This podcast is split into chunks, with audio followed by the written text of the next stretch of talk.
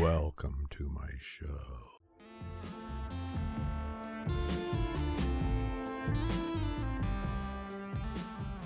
Welcome back, everyone, to Chapel Phil. Uh, today's episode Why PPE? Why is PPE important? We're going to discuss. Uh, we're very grateful to the PPE department for sponsoring uh, our work here. And today we have on the director. So, you know, would you like to introduce our guest? Yes, we have with us Professor Sayre-McCord with the PPE department at uh, UNC. And of course, my name is Sina. I am Noah. And I'm Jeff Sayre-McCord. What does it stand for? I just wanted to mention what the PPE department is. And it's not actually a department, but it's a program. Um, the PPE program is the Philosophy, Politics, and Economics program.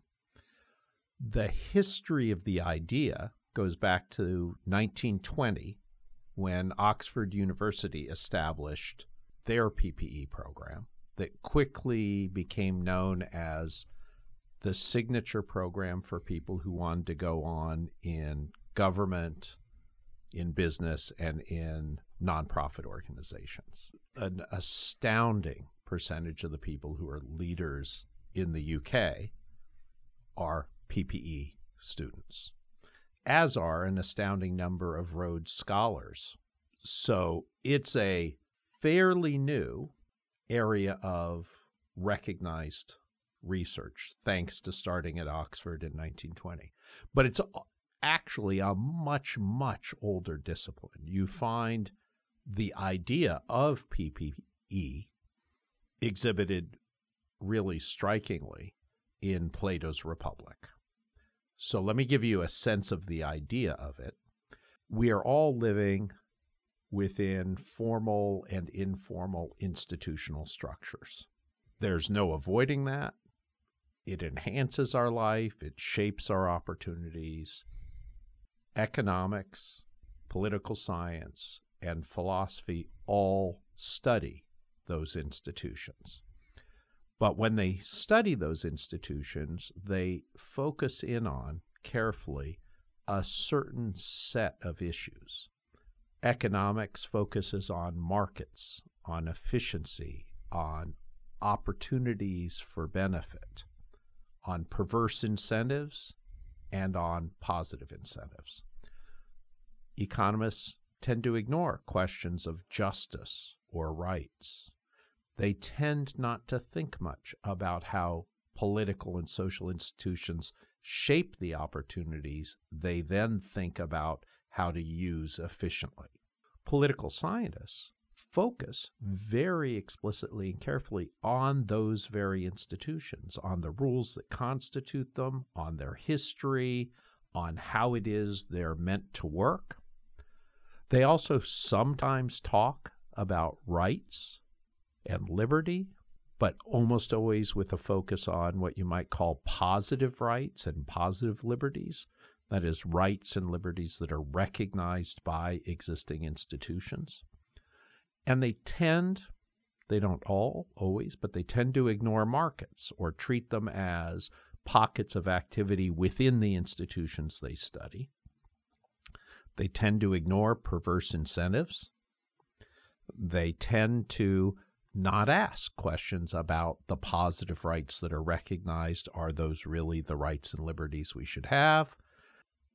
Meanwhile, philosophers talk ad nauseum about rights and liberty and justice and equality and respect, not as recognized by institutions, but as concerns, standards, and values by which we might judge institutions, by which we might judge markets, by which we might judge ways of building things that are mutually advantageous. But philosophers tend to ignore actual institutions. They tend to ignore the constraints the real world puts on their ideas. They tend to ignore incentives and markets and opportunities for efficiency. So the idea of PPE is to the extent you want to understand the institutions that shape our lives together, you need to bring the questions, the interests, the tools of each of these disciplines together to really understand the world you're in. So that's an answer to the question why we people need PPE. What happened at UNC is we saw an opportunity to build the PPE program pretty efficiently, we thought, building on courses that already existed and adding a few courses that would constitute an interesting and valuable minor for people at UNC. So we took that opportunity and it's grown and grown and grown in ways that are tremendously satisfying. And it's grown in ways where I think every student who's gone through it has benefited seriously from it. Part of why they benefit is, I think, the bringing together of these three disciplines in the course of doing their coursework. But we also spend a lot of time cultivating extracurricular opportunities that I think are hugely advantageous for the people who participate.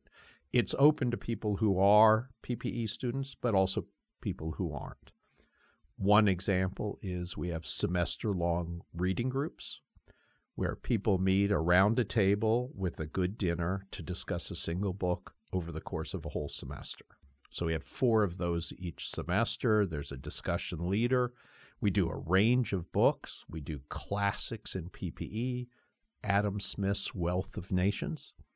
The number of people who've actually read that book is minuscule. It's like people quoting the Bible. How many have actually read the entire thing? Yeah, starting from who begat what? the Genesis of Right. the Wealth of Nations. Exactly. And or or Adam Smith's theory of moral sentiments Hmm. or Marx's writing on communism or Weber or Nudge or Piketty or so we go for a range of books every semester. Students can do classics, they can do contemporary work, they can do work focused on social science or on moral theory or on economics. We can see how PPE is for philosophy students, political science students, and economic students. But is PPE for everyone? Could everyone benefit from? PPE? Absolutely. We we take a great amount of pride in the fact that a huge number of the PPE students are, for instance, pre med students who realize that in addition to learning what they need to learn to be doctors, to be efficient doctors, they need to understand the world they'll be practicing in. And PPE is a minor designed to be easy entry and easy exit. It's five courses, a gateway PPE course, one course from each of the three areas, and then a capstone course that you take over the time you're at UNC. I'm a philosophy major and a PPE minor. Good for you. And I found that the econ portion of it was the most difficult for me, having to take an econ course in addition to it, which I appreciate because it opened obviously that whole horizon of economics. So as you you're coming from an ethics point of view, right? You're an ethics professor here at UNC. When you play with these ideas of political science and economics, which field do you find to be the most challenging for yourself? Well, there are different ways to answer that. In in an important sense, I find philosophy the most challenging. Hmm. Partly it's because of where I get to go, which is always to what I see as the cutting edge, where there's a lot to understand and figure out, and it's not a process of learning what's been figured out. So, in one sense, that's the most challenging. Where is that for you right now? I'm trying to understand the difference between some concepts we have, which you might think of as descriptive concepts, things that apply or don't apply to things, to actions, to people, to opportunities, but when they apply, don't entail anything about what we have reason to do. Then there's another set of concepts we have, as it seems, that when they apply to whatever they apply to, entail that we have reasons to do things. So our concepts of virtue, of rightness, of evidence are concepts, it seems, that are built to be such that if they apply, if you really have evidence that somebody is about to kill you, that gives you reason to believe they're a danger. Hmm. If you have reason, if you be- come to believe something is right, that gives you reason to do it. so it seems. But figuring out whether this apparent contrast between something's being blue, which doesn't in itself give you any reason to do anything, unless you care about blue things or you want to put blue on your wall, or you always have to add some additional facts for its blueness to mean that there's a reason for you to do something. On the one side, there seem to be those kind of concepts. On the other side, there seem to be these other kinds of concepts, the satisfaction of which give you reasons. I'm interested in understanding that difference because I think one of the distinctive features of human beings as they are now is they're capable of and often have those concepts that play a crucial role in being able to make informed choices about their lives, to collaborate successfully together, to recognize others as having an equal standing. I think normative concepts are essential to that, but I think no one has a good theory of what those concepts are like, when we get them, how they work. Right. So that's what I'm working on personally. So human beings as opposed to different types of animals and apes. Yes. Yeah. Okay. So I do I do work on on what it is to be a normative or a rational agent and what you'd have to discover about bonobos or chimpanzees to have good reason to think that they are such beings. Hmm. Um, I think often on very engaging, cute videos, you'll find Attenborough narrating what the chimpanzees are doing, and you'll quickly think, hold it, he's anthropomorphizing way too much here. We have no idea if that's what they're really thinking. And I I find the challenge of articulating the kind of evidence you'd need an important one. Yeah, in biological anthropology, there's this discussion as well as as we're projecting human ideals onto animals, and it goes all the way to our dogs, right? Absolutely. We say like, "Oh, my dog obviously loves me. Look at him or her waving their tail and giving me kisses and stuff." And even bonobos, when they make like quote unquote moral intuitions, are they actually or are we projecting that? So it becomes a whole difficult field. Yes. And I find all of that fascinating. Yeah. On the other hand, I find political science, when it's not political theory, extremely challenging Hmm. um, because you have to know facts. And one of the attractions of philosophy is it's, in an important way, a fact free enterprise. That is, the facts you need are an appreciation of the ideas that are at stake and how they fit together and how they might be reshaped political a lot of the important political science that I read and care about and try to understand has to do with evidence for how things work, evidence of what things are failures, what different societies are like and what that seems to have as a result. So I find that challenging. Economics, the parts of economics I'm most attracted to are the game theory and the public choice economics.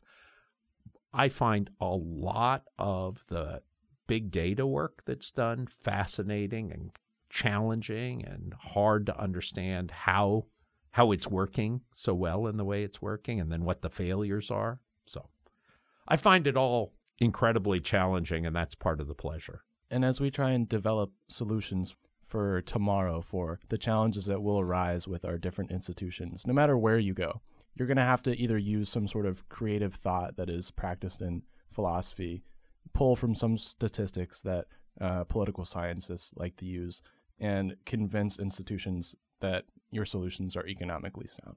Yeah. And especially with so many things, being able to model what's going to happen and why and which factors will make a difference is a key to evaluating the value of what you're modeling. Right. And in a way, in philosophy, we use theoretical models, right? When we approach these Yeah. theoretical frameworks. There's there's a huge amount of similarity, but the difference between philosophy and economics is which questions they're asking. And one of the aims of PPE is to put you in a position to ask and answer the questions that in each of the disciplines get asked. And if you're in in any one of them, learning about the others greatly enhances your intellectual control over the material. Absolutely. So when we combine these three perspectives, what does a PPE perspective actually look like? That's a very hard question. I'm inclined to say there isn't one. It's a mindset. I recently, with the help of uh, six incredible PPE minors, I helped give a pre- I, they helped me give a presentation, and the presentation uh, to a board here at UNC of very accomplished, very smart people, and in the course of the presentation, I identified six questions that were policy questions about climate change or taxation or providing for the poor and six different questions and I put them up on the PowerPoint to induce the thought, I wonder what I think the answer is to that question.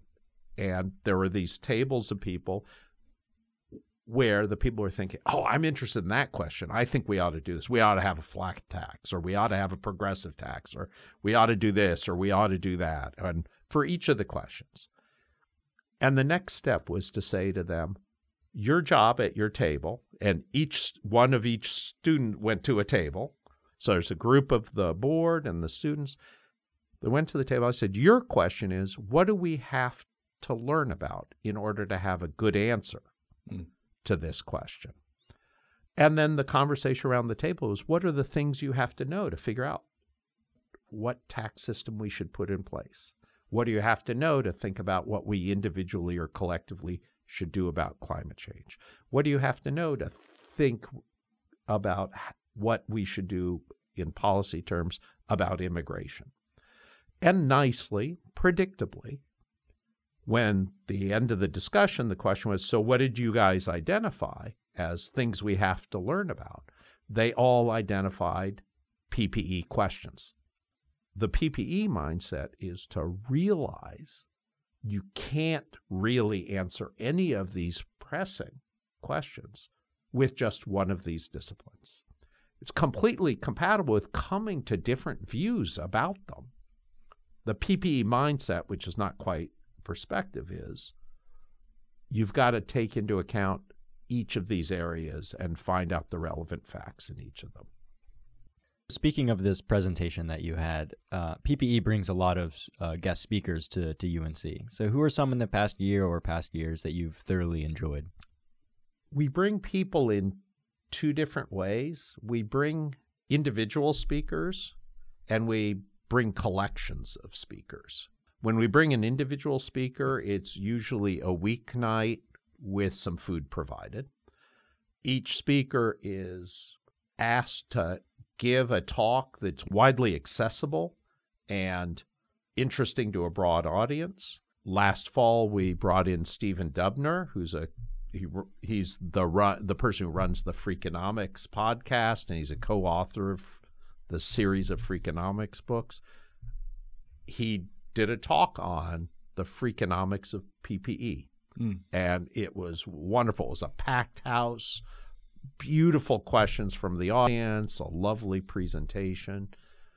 We're bringing again for a public lecture Arthur Brooks this spring, who just wrote a book called Love Your Enemy. And he's the former director of the American Enterprise Institute. Fascinating guy, very interesting public speaker. But we also put together one day seminars. So we did one last fall that was on tariffs and trade barriers. We brought in a former ambassador to China, the chair of the econ department, and a representative of American soybean growers, a lobbyist.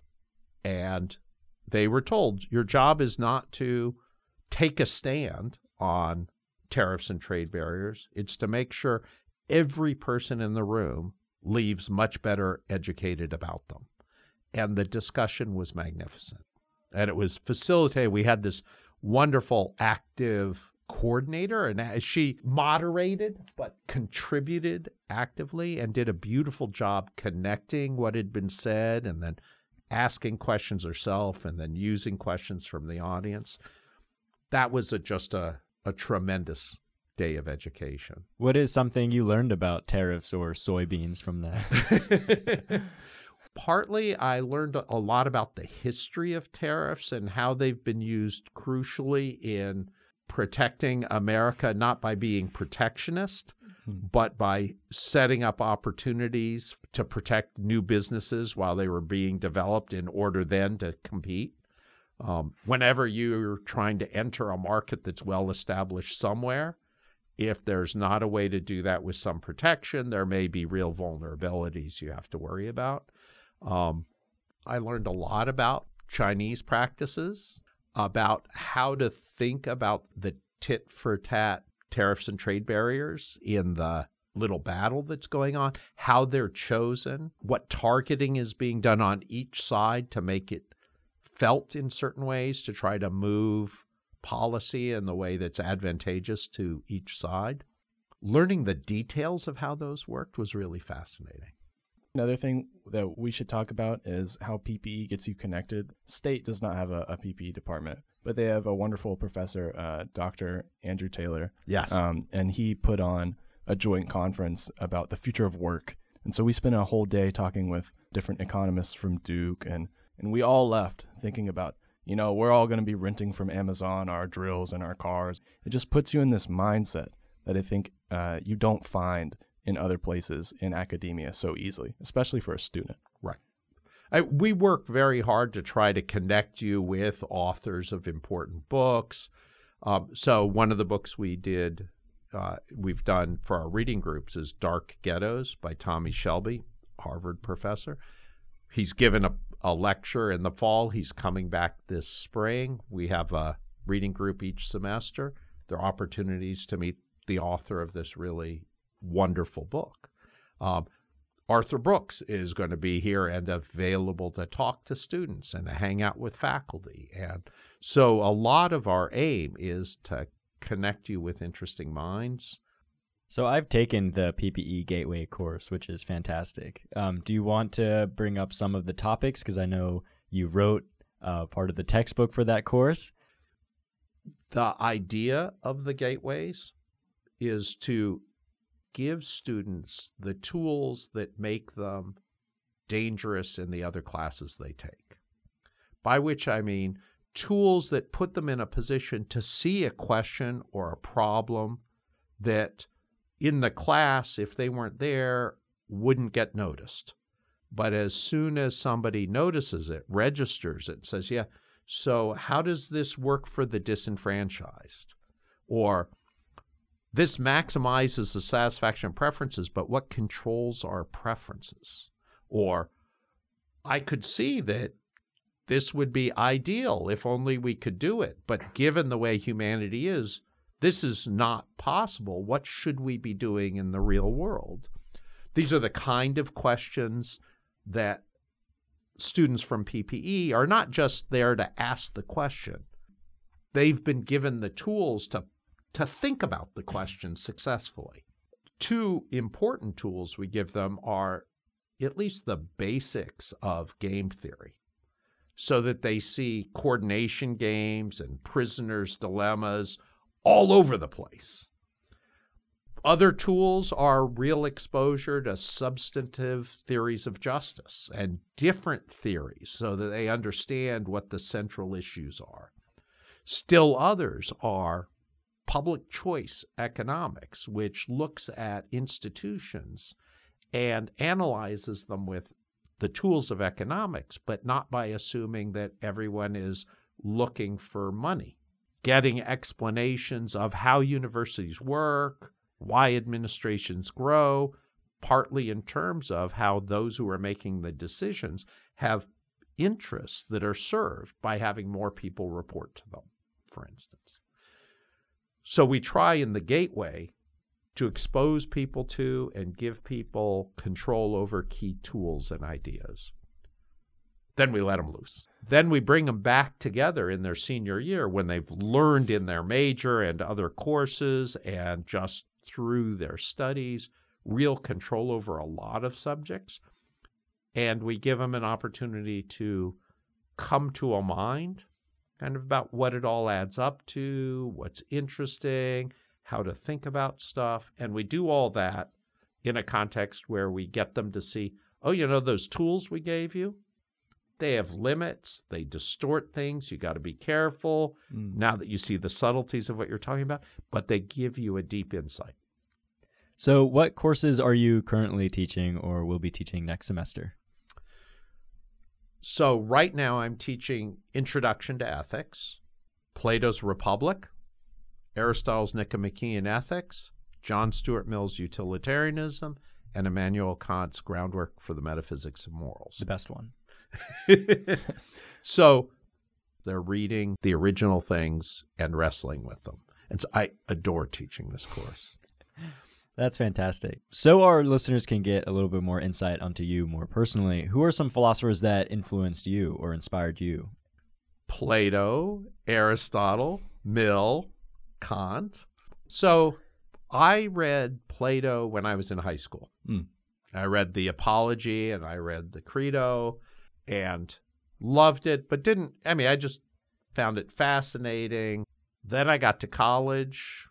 I thought I was going to be a sociology major. I took a philosophy course, then took another philosophy course, didn't understand it at all reread everything in the summer, talked to my mom about it, and all of a sudden I saw, oh, this is a thing of beauty and it's hard work, and I need to try to figure this out.